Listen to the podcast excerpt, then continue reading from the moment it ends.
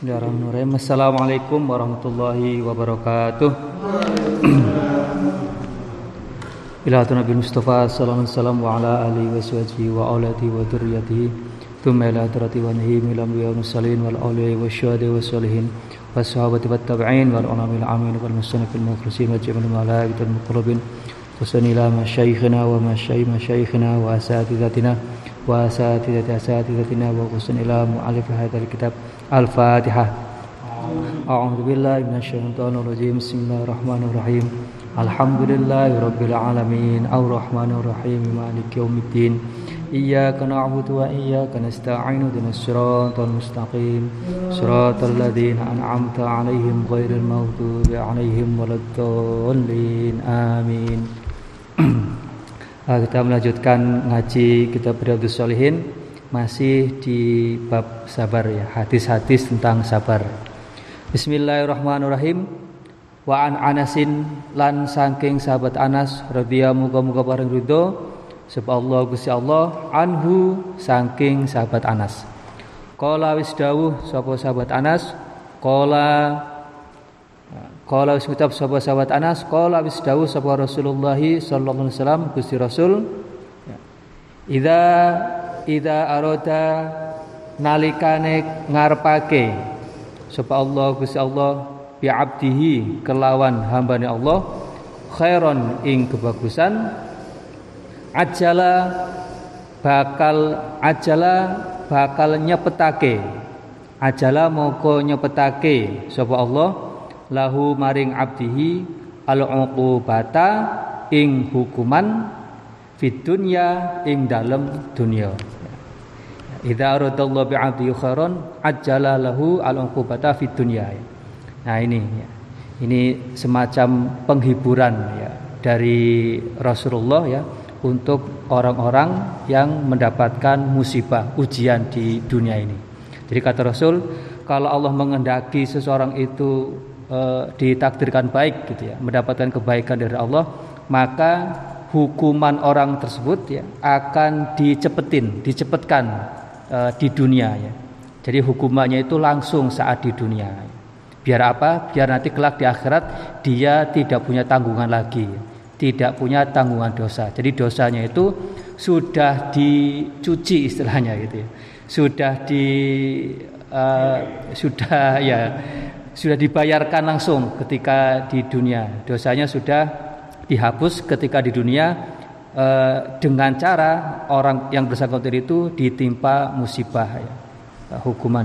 Jadi ya, ya kita mengatakannya musibah ya, ya musibah atau hukumannya. Kalau hukuman kan ya karena akibat dari kesalahan kan namanya hukuman ya. Ya, kita tapi bisa menyebut, menyebut lain dengan namanya musibah. Nah hukuman atau musibah itu ya bisa bermacam-macam gitu ya. Ya bisa terkait dengan diri sendiri, misal sakit gitu ya. Terus e, terkait e, kesehatan, terkait harta ya. Atau juga mungkin terkait dengan keluarga ya, suami atau istri atau anak dan sebagainya. Nah itu semuanya itu hukuman-hukuman ya atau musibah-musibah e, yang bisa menghapus kesalahan-kesalahan kita selama di dunia. Ya catatannya tadi dengan sabar ya.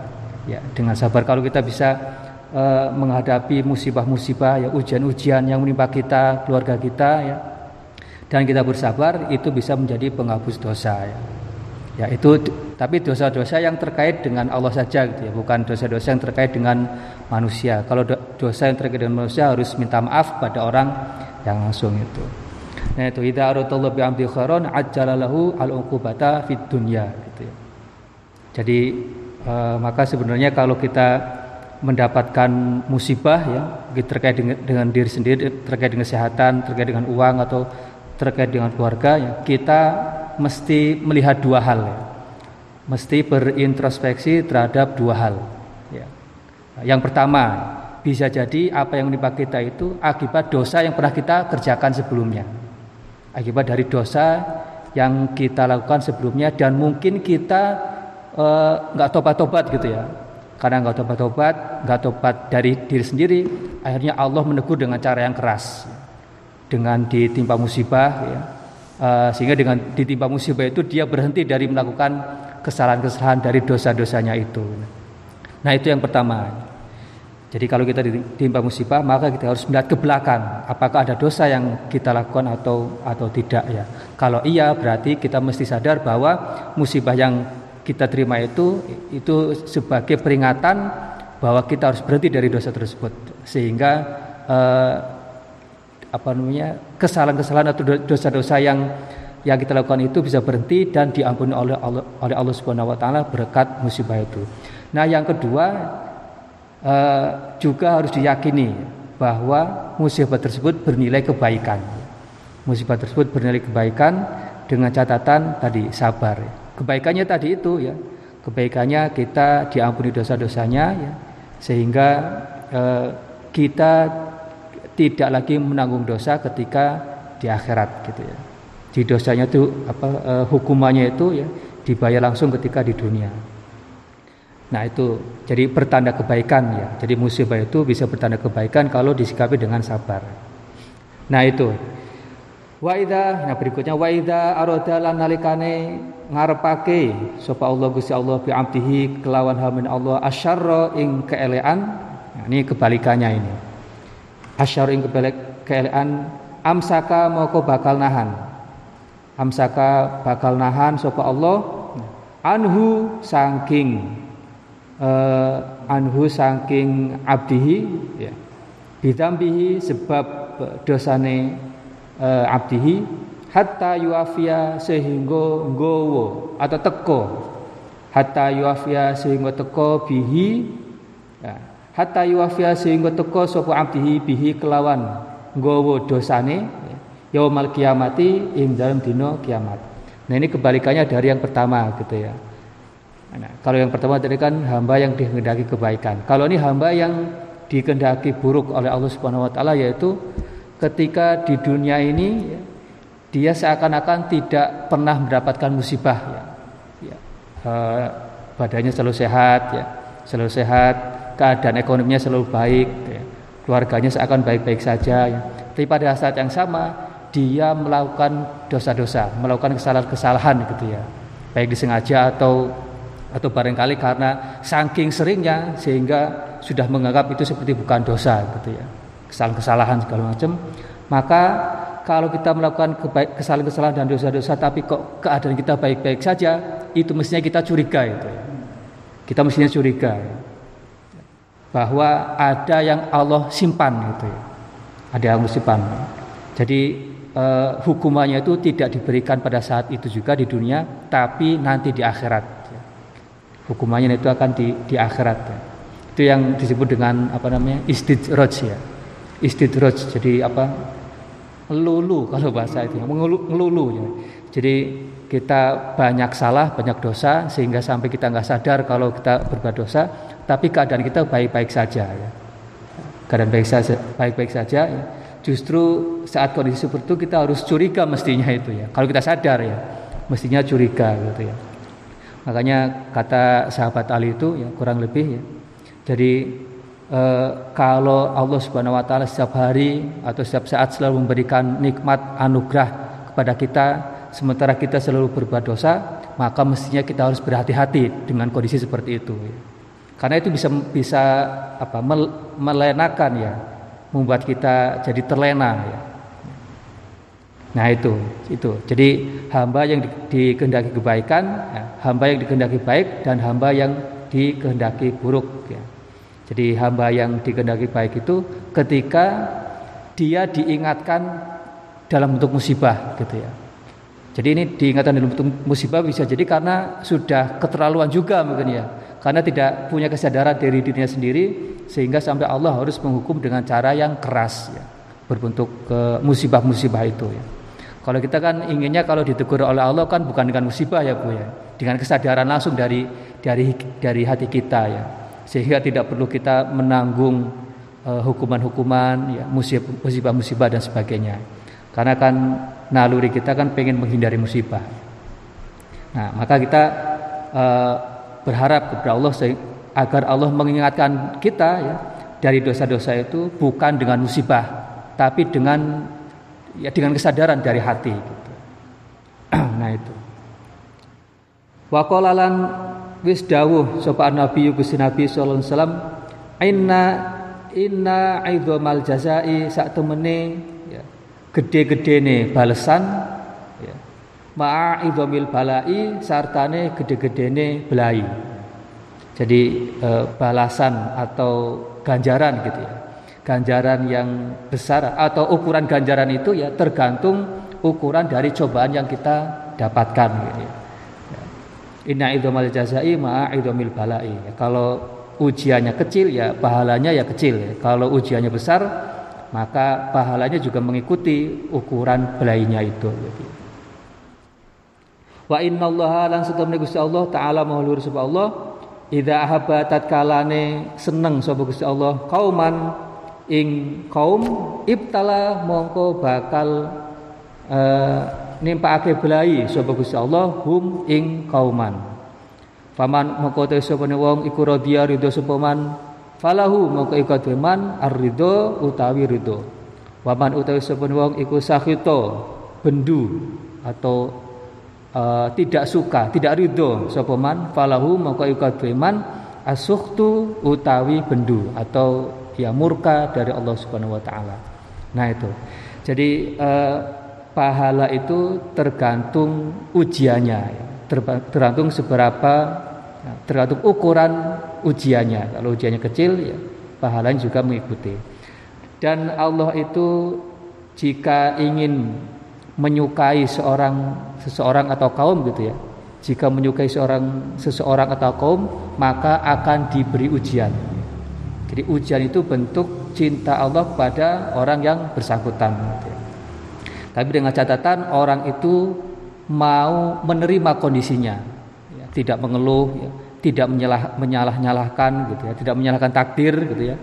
Nah, sebaliknya kalau saat ditimpa ujian itu kok dia tadi mengeluh sampai depresi dan sebagainya, maka itu pertanda ujian yang dia dapatkan itu bukan bentuk cintanya Allah justru gitu.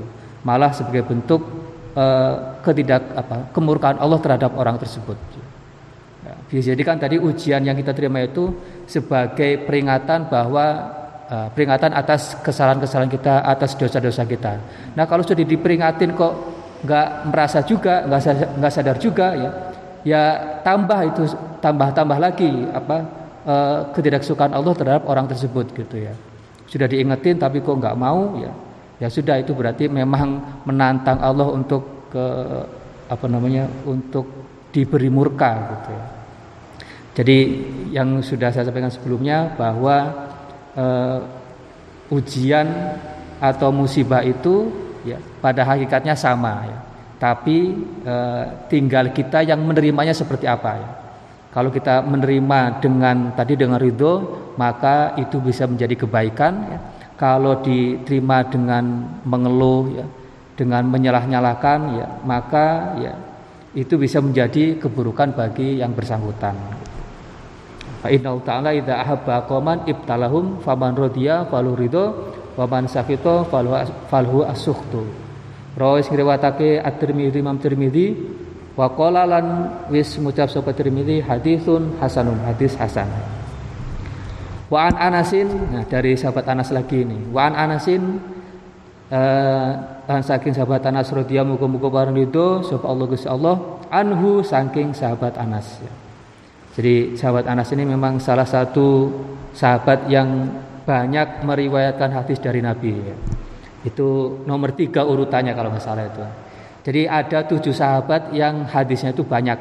Yang pertama itu Abu Hurairah, itu hadisnya sampai 5000 hadis, 5000 sekian hadis itu yang dia terima. Kemudian ada Ibnu Umar, anaknya Umar bin Khattab itu. Kemudian yang ketiga ini Anas ya, Anas bin Malik ya, yang 10 tahun menjadi pelayan Rasulullah.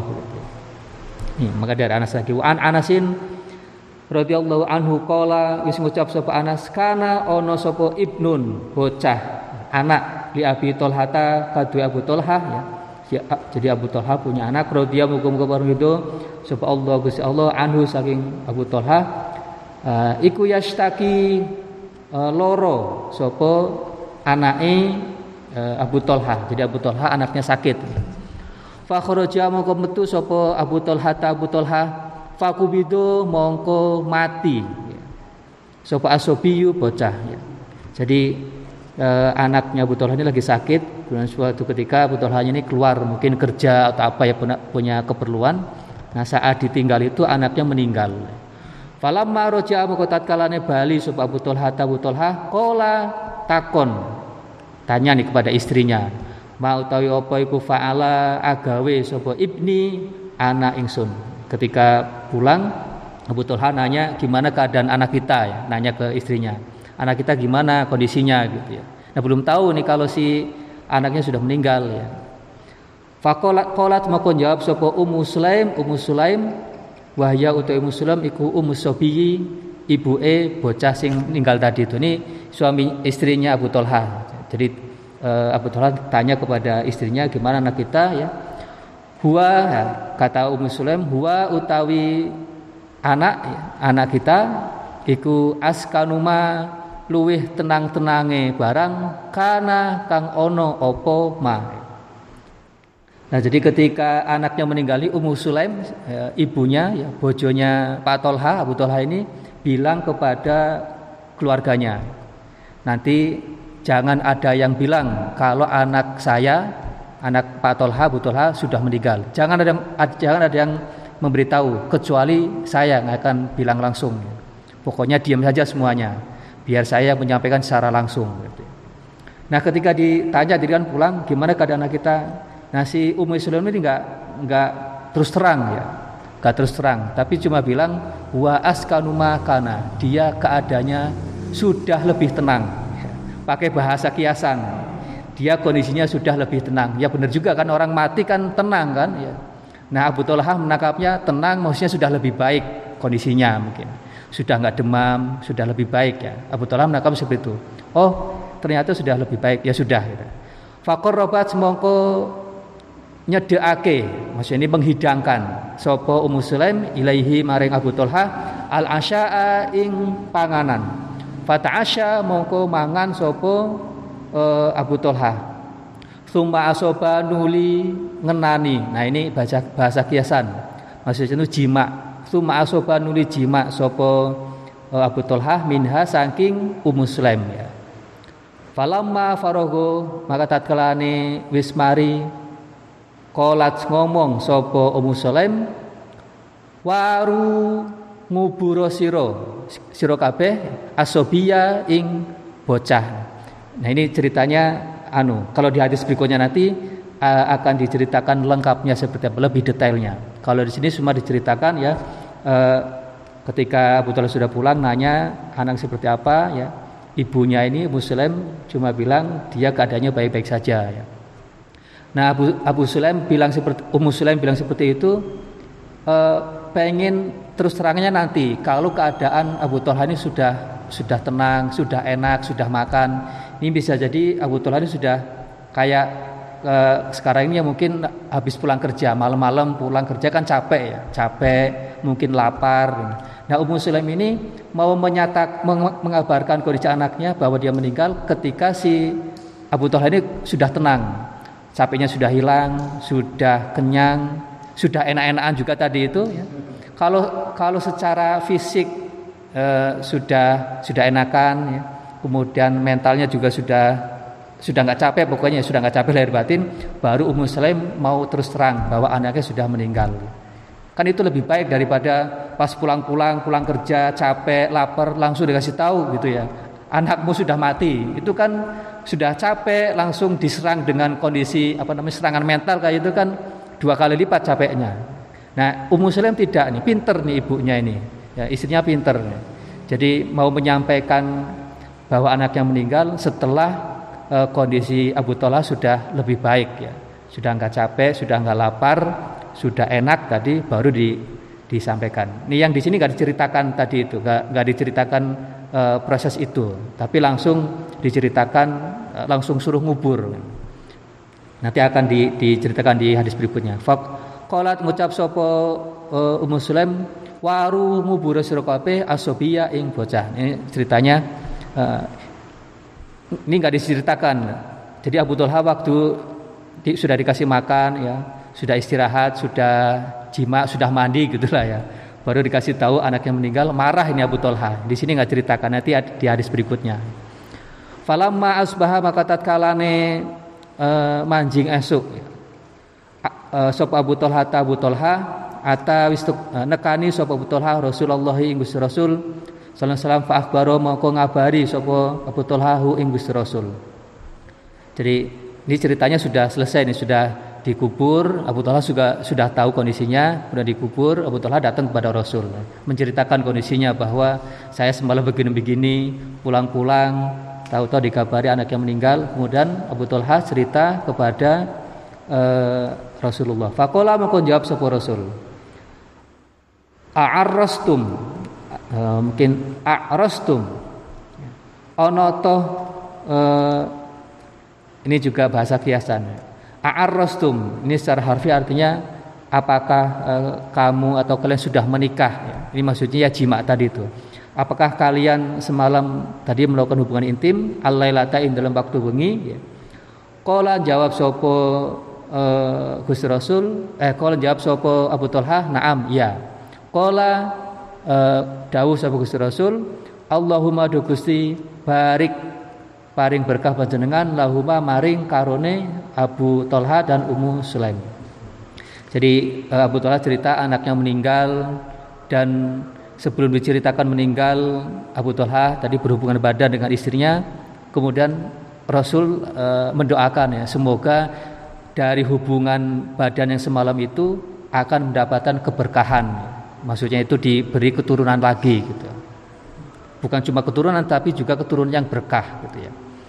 Nah, ini singkat cerita fawaladat mongko lairan sapa muslim ulama ing bocah lanang. Faqala maka ngucap li marang ingsun sapa Abu Talha Abu Talha. Nah, ini kepada saya ini maksudnya Anas. Jadi Anas ini eh, anaknya Ummu Sulaim dan eh, Abu Talha gitu ya. Jadi yang ceritain ini Anas. Saudaranya Anas meninggal tadi itu ya. Yang masih yang meninggal tadi itu. Nih, yang meninggal kemudian singkat ceritanya cerita disingkat ini ya. Kemudian doakan oleh Rasul semoga diberi keturunan dan keturunan yang berkah. Akhirnya benar-benar ya uh, dari hubungan intim yang semalam itu ya akhirnya uh, Ummu Sulaim uh, hamil dan melahirkan. Nah, begitu melahirkan kata uh, Abu Tolha ihmil nggawa sira Anas hu ing hu ing uh, hulam tadi hatta yaktia sehingga hatta yaktia sehi, hatta taktia sehingga teko sapa bihi kelawan uh, hulam an nabiyya ing Gusti Nabi sallallahu wasallam wa ba'athalan gowo atau ngutus mahu sartane uh, hulam atau anas tadi ya bitama bitamarotin kelawan piro-piro kurma. Ya bitamarotin kelawan piro-piro kurma. Uh, fakola moko jawab sopo Gusti Rasul amahu ana sartane uh, hulam syai'un utawi sewiji-wiji kola jawab sopo uh, fakola li Abu Tolah ya. Fakol jawab sopo Anas Naam ya. Tamarotun ya. Ya, ya uh, ada beberapa kurma ya.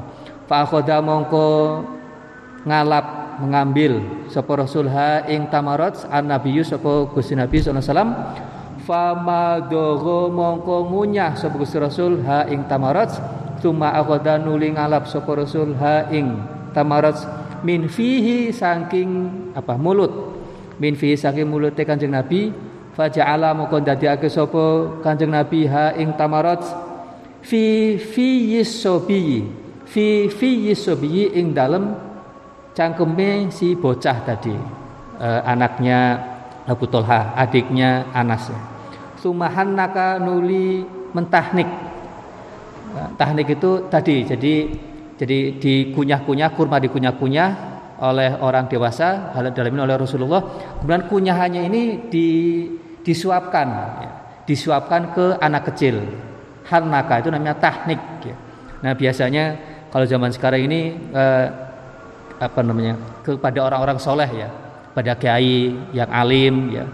Jadi sebelum eh, bayi ini menyusui nyusui pertama dari ibunya itu ditahnik dulu ya, dengan kurma ya uh, di dikunyah-kunyah kemudian di, disuapkan kepada si anak itu namanya tahnik ya. Wasamalan ngarani sapa Gusti Nabi hu ing sobi Abdullahi namanya Abdullah muttafaqun alaih. Nah, jadi anak yang hasil tadi hubungan intim yang waktu uh, dikabari meninggal itu lahir seorang anak. Anaknya ini namanya Abdullah ya. Anaknya Abu Talha sama Ummu Sulaim. Jadi anak ini uh, dinamai Abdullah Rasulullah dan ditahnik oleh Rasulullah ya. Jadi makanan yang masuk pertama, makanan pertama yang masuk ke ke sobi ini itu makanan kurma yang eh, tahnik dari Rasulullah SAW. Gitu. Jadi Anas Anas kan bin Malik ya, anaknya Malik gitu kan. Berarti ini bisa jadi ini eh, anak dirinya Abu Tolha. Gitu. Anak dirinya Abu Tolha. Kan Anas bin Malik kan. Anas eh, Anas itu anak anaknya Pak Malik. Jadi satu ibu, jadi Ummu Sulaim tapi bapaknya berbeda. Di sini kalau kalau nggak salah dijelasin, ya, nanti ada di hadis berikutnya ini. Iya, Ummu Sulaim Um Abdullah Al-Mazkur bahwa aku Anas li ummihi. Iya, jadi uh, satu ibu tadi dengan si anak ini. Jadi Abu Tolha ini bapak tirinya berarti ya, bapak tirinya Anas. Bapak Anas kan bapaknya namanya Malik, Anas bin Malik.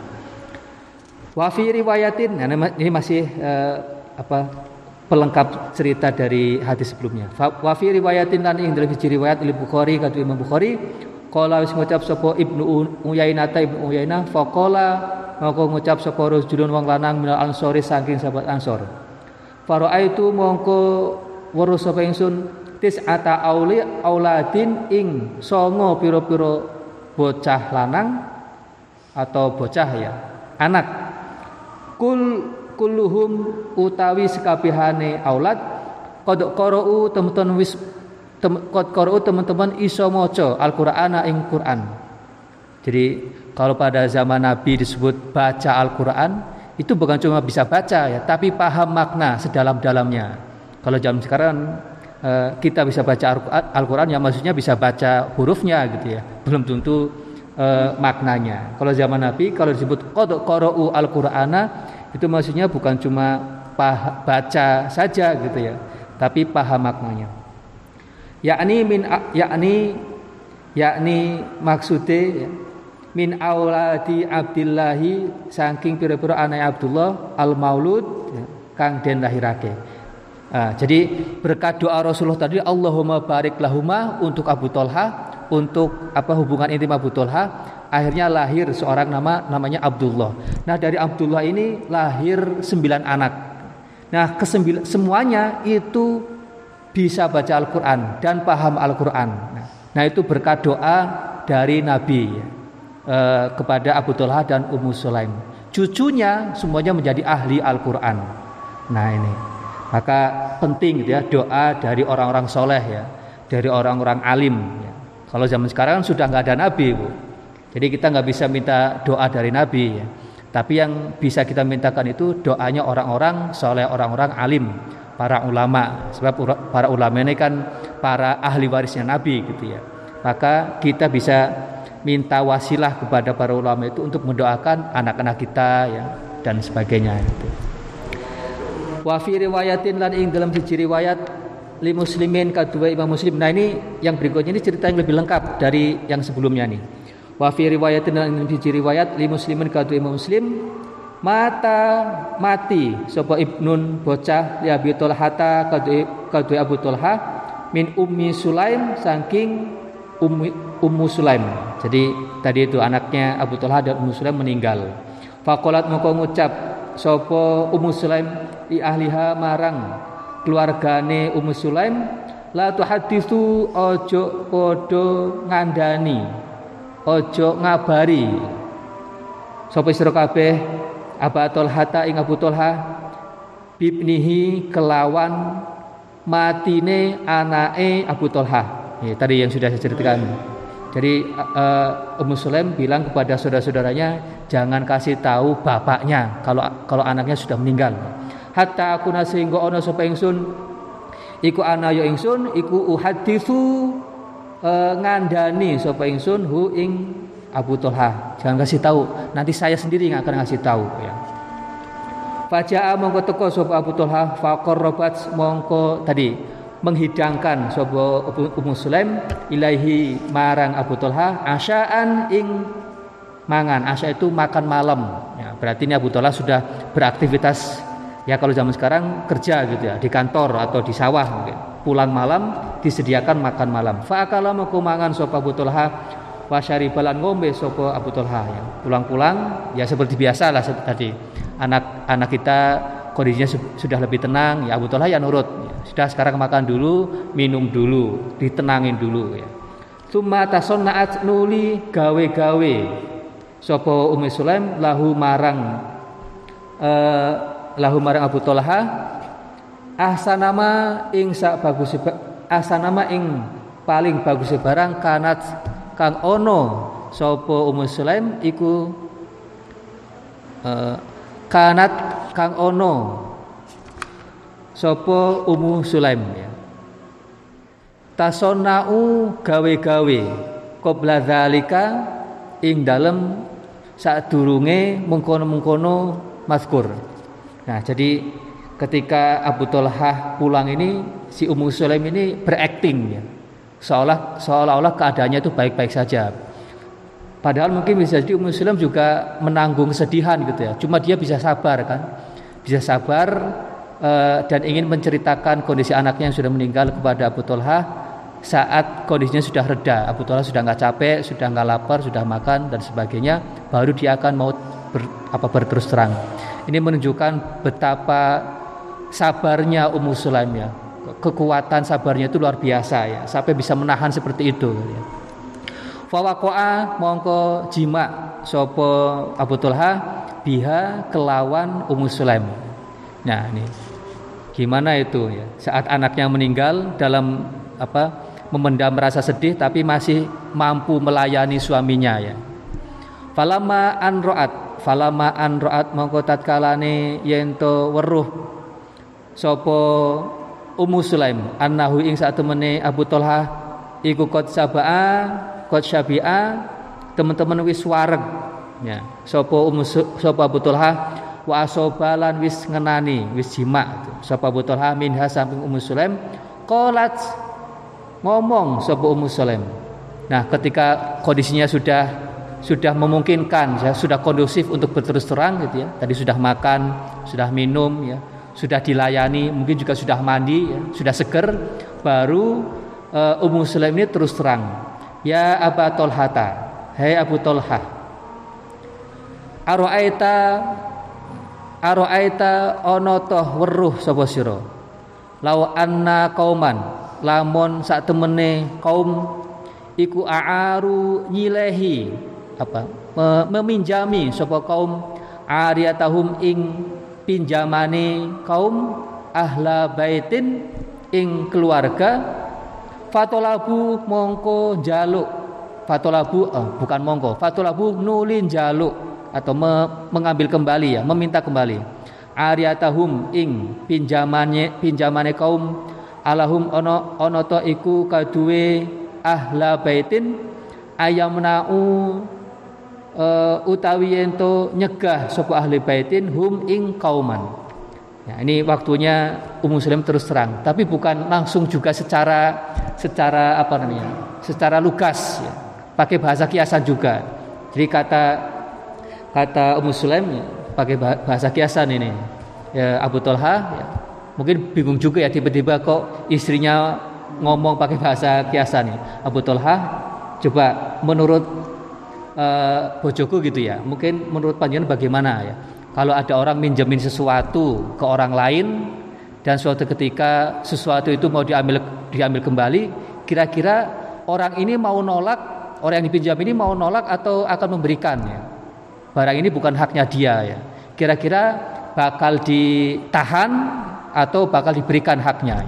Kayak kayak misalkan uh, minjemin motor ke tetangga ya, tapi suatu ketika kita tiba-tiba butuh dari kita mau ngambil motornya itu ya. Kira-kira tetangga juga bakal bakal uh, uh, ngasih kan ya. Nggak mungkin ditahan wong bukan motornya dia gitu. Nah kira-kira seperti itu jadi Ummu Salam bilang seperti itu. Kira-kira eh, apakah si tetangga ini mau nolak enggak eh, wong itu bukan haknya dia. Dia cuma dipinjami aja.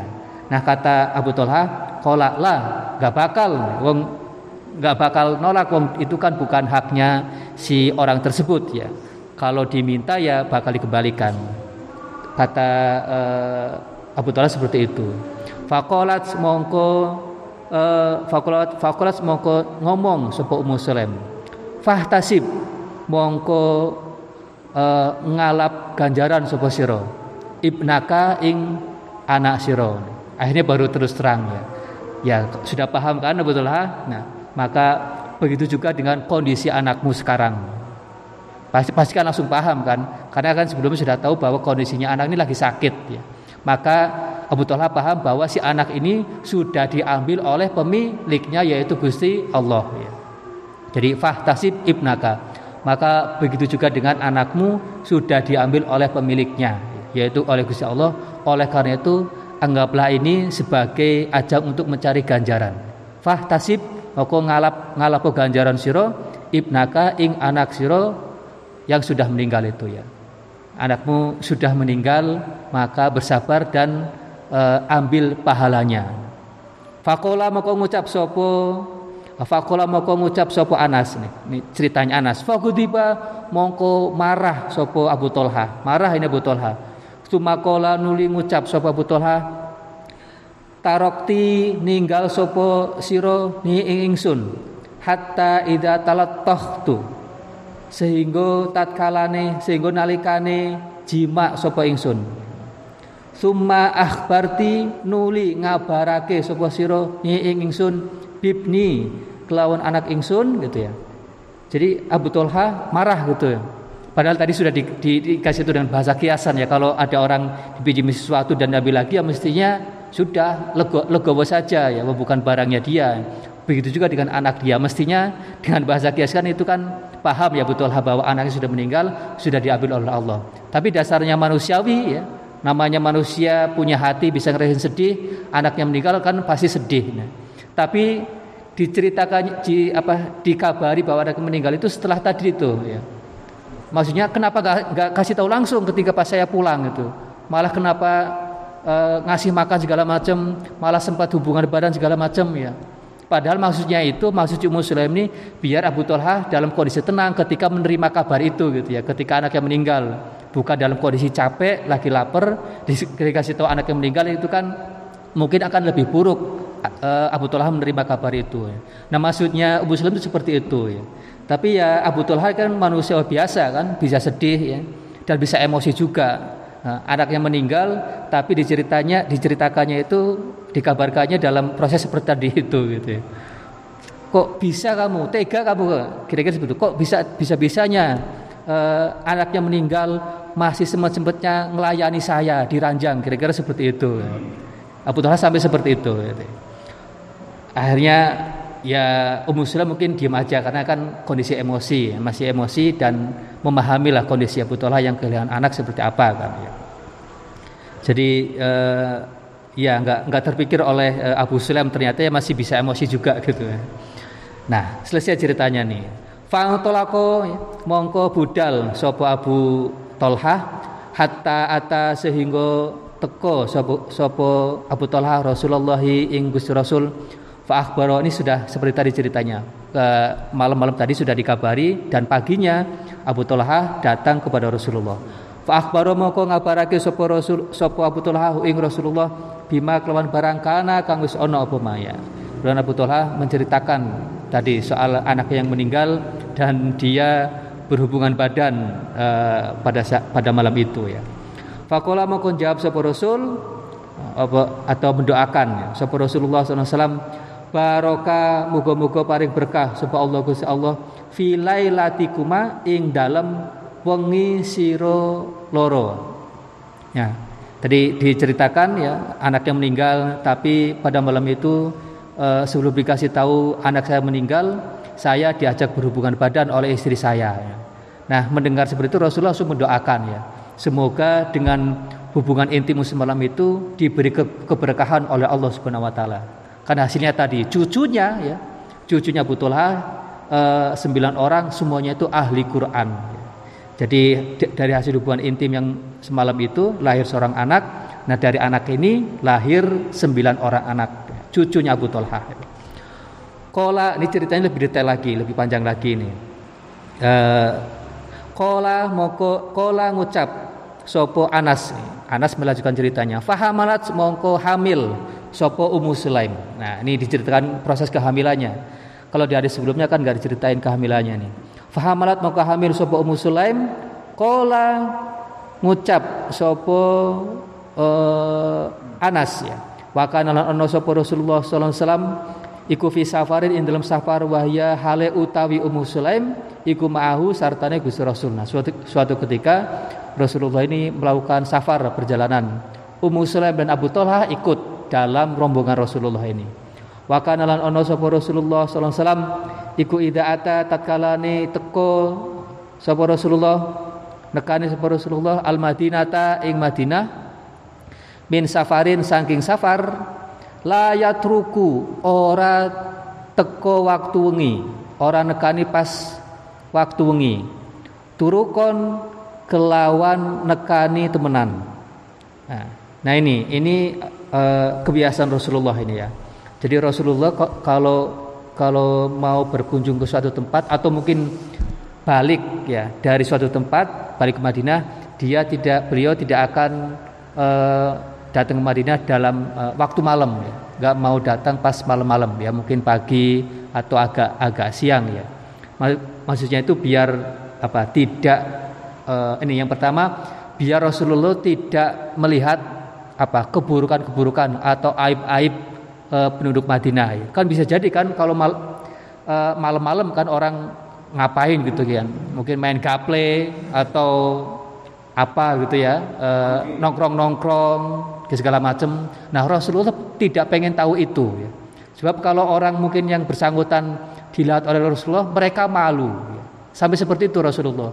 Bukan malah mau Rasul Rasul mau pengen apa ngobrak-ngobrak gitu ya ngobrak-ngobrak enggak ya. justru Rasul enggak pengen uh, pengen tahu ada umatnya yang malam-malam mungkin nongkrong-nongkrong, gaple, ngombe-ngombe dan sebagainya ya. Justru Rasul pengen menghindari seperti itu. Ya. Kalau orangnya ketahuan oleh Rasul akan malu sendiri gitu ya. Rasul malah justru nggak mau seperti itu gitu. Ya. Nggak pengen tahu aib umatnya pada waktu malam ya. Maka beliau ketika pulang dari safar itu bukan malam-malam ya, mengambil waktu yang siang atau apa gitu ya. Layat ruku turukon Idza atal madinata min safarin layut layat rukuha turukon. Ya, tidak mau mendatangi pas waktu malam. Fadanau minal madinati. Ini juga mungkin jadi ahlak Rasul buat kita ini ya. E, apa? Jangan bertamu pas malam-malam. Apalagi sudah di sini kan jam 8 jam 9 sudah sepi gitu ya. Mungkin e, orang-orang ini sudah istirahat ya. Mungkin juga bisa terima tamu tapi kan mungkin lagi waktu istirahat nonton TV, waktunya santai-santai atau mungkin sudah tidur dan sebagainya itu ya. Ya kecuali kalau sudah janjian ya. Kalau udah janjian itu sudah lain lagi. Ya, zaman dulu nggak ada HP. Zaman dulu nggak ada HP, nggak ada WhatsApp gitu kan. Jadi ketika Rasul datang ya datang-datang aja ya. Jadi bisa jadi orangnya kaget lihat Rasulullah datang. Ya. Nah ini uh, Abu Talha dan Ummu Sulaim ikut dalam perjalanan ya dan Ummu Sulaim dalam kondisi hamil. Nah, ini sudah pulang ini, sudah waktunya pulang. Fadoraba mongko ngenani ha ing Ummu Sulaim apa al makhodu makhodu itu apa? Kalau dalam zaman sekarang mungkin kontraksi. Jadi lagi apa namanya? sakit perut karena kontraksi ya. Sakitnya kehamilan kan, kontraksi mungkin ya. Apa al makhodu kontraksi Fahtabasa mongko nahan aliha ing atase Ummu Sulaim sapa Abu Tolhata Abu Tolha bojone. Wang tolako lan budal sapa Rasulullah sallallahu alaihi wasallam ngucap sapa Abu Tolha. Eh kala ngucap sapa Anas. Yakulu ngucap sapa Abu Tolhata Abu Tolha. Ini berdoa nih Abu Tolha, bukan berdoa apa namanya? gremeng, gremeng kepada Allah. Innaka saat temene panjenengan la ta'lamu yaktine ngerti panjenengan ya Rabbi duh pangeran ingsun annahu ing satu kelakuan iku yuk jibuni gawakake ni ing ingsun apa an akhruja yento metu sapa ingsun ma'a Rasulillahi sartane Gusti Rasul sallallahu alaihi wasallam idza kharaja. Nah, kata Abu Tolha ya, tadi kan dalam perjalanan pulang e, istrinya ini mungkin kontraksi dan otomatis kan nggak bisa melanjutkan perjalanan kan. Nah karena kontraksi, akhirnya Abu, Abu Tolha lebih milih menam, menemani si istrinya ini. Rasulullah eh, lanjut aja, Rasul, Rasulullah jalan. Jadi ditinggal ini, e, sebenarnya Abu Tolha dan istrinya yang lagi kontraksi ini. Fa wa adkhulu lan manjing sapa ingsun mahu sartane Rasul idza dakhala waqad ihtabastu teman-teman nahan sapa ingsun bima kelawan barang taro kang ningali sapa panjenengan Gusti Allah. Kata Habibullah ya Allah saya ini seneng ikut Rasulullah kalau Rasul lagi jalan-jalan keluar ya. Kalau lagi Rasul keluar kota Madinah saya senang ikut ya. Kalau waktunya pulang saya juga selalu bareng bareng Rasulullah. Tapi ya Allah ini istri saya lagi kontraksi saya nggak bisa apa balik ke Madinah bareng bersama Rasulullah gitu ya karena menemani istri saya yang lagi kontraksi itu ya. Jadi bermunajat ini si uh, Abu Tolha takulu ngucap sopo umus takulu ngucap sopo umu Sulaimin umu Sulaim ya Abu Tolhata ya Abu Tolha ma ajidu orang nemu sapa ingsun alladzi kang alladzi ing kuntu ana sapa ingsun iku ajidu nemu nemu sapa ingsun ing ladi ing tolik budal sapa sira fang tolakna mongko budal sapa kita. Nah, nah kemudian kontraksi beberapa kemudian sudah uh, sudah sembuh. Ya. namanya kontraksi kan sebentar sebentar ya nggak nggak lama. Nah begitu sudah sembuh akhirnya uh, melanjutkan perjalanan. Fang tolakna fang tolakna mongko budal sapa kita. Wadorobalan ngenani nglarani ha ing Ummu Sulaim apa al kontraksi. Nah setelah berapa saat kontraksi lagi ini hina kodima tatkalane uh, hina kodima tatkalane melaku atau nekani sopo Abu Tulhah lan Ummu Sulaim fawaladat mongko lairan sopo uh, Ummu Sulaim hulaman ing bocah nah ini jadi lahirannya ini dalam perjalanan ya, bukan ketika di rumah ya. Jadi lahiran uh, anaknya Ummu Salam bin Abu ketika uh, habis jalan-jalan bersama Rasulullah dan dal dalam perjalanan pulang ya, sudah dekat Madinah ya. Lahirannya di situ ya. Fakolat mongko ngucap li marang ingsun sopo ummi ibu ingsun. Nih kata Anas ya. Fakolat mongko ngucap li marang ingsun Anas ummi ibu ingsun. Ya Anas, hai Anas, layur tiu ojo nyusoni hu ing hulam sapa ahadun wong swiji hatta tau dua sehingga uh, budal sapa sira Anas bihi kelawan gawa hulam ala Rasulillahi ing atas Gusti Rasul sallallahu alaihi Jadi kata ibunya Anas ini ini bawa dulu adikmu ini ke Rasulullah ya. Uh, belum saya susui dan juga jangan sampai ada yang menyusui ketika dalam perjalanan itu ya. Uh, apa bawa dulu ke rumah Rasulullah untuk ditahnik tadi itu ya falama asbaha mengkotat kalane manjing esuk. Suatu pagi ihtamal tu nggowo sapa ingsun? Hu ing hulam ya anaknya itu anaknya Bu Sulaim adiknya Anas eh, adik tri. Fal tolak tu mongko budal sapa ingsun? Bihi kelawan gawa hulam ila Rasulullahi maring Gusti Rasul sallallahu alaihi wasallam ya. Wa nyebut sapa Anas tamamal hadithi ing sempurnane hadis ya. Nah ini jadi cerita tentang Ummu Sulaim dan Abu Talha ya. Jadi yang pertama ini betapa sabarnya Abu eh, apa Ummu Sulaim ya. Mungkin kalau zaman sekarang ketika anaknya meninggal langsung kebetulan Abu Talha lagi di luar ya. Kalau zaman sekarang mungkin si ibu ini langsung ngabari ke ayahnya. Ayah, anak kita begini-begini di WA gitu. Anak bapaknya lagi kerja langsung pulang gitu ya. Langsung pulang ya, karena dikabari anaknya meninggal. Nah, Ummu Muslim ini tidak ya. Bapaknya eh, suaminya pulang eh, dilayani dulu makan, minum, eh, kemudian juga dilayani baru setelah kondisinya tenang dikabari soal anaknya meninggal. Ini kan kalau bukan orang yang sabar kan nggak mampu seperti itu kan ya. E, masih tenang melayani makan dan sebagainya. Kalau kekuatan sabarnya nggak sebesar itu ya tentu tidak akan kuat. Nah, nah itu ya. Wallahu bisawab. Wassalamualaikum warahmatullahi wabarakatuh.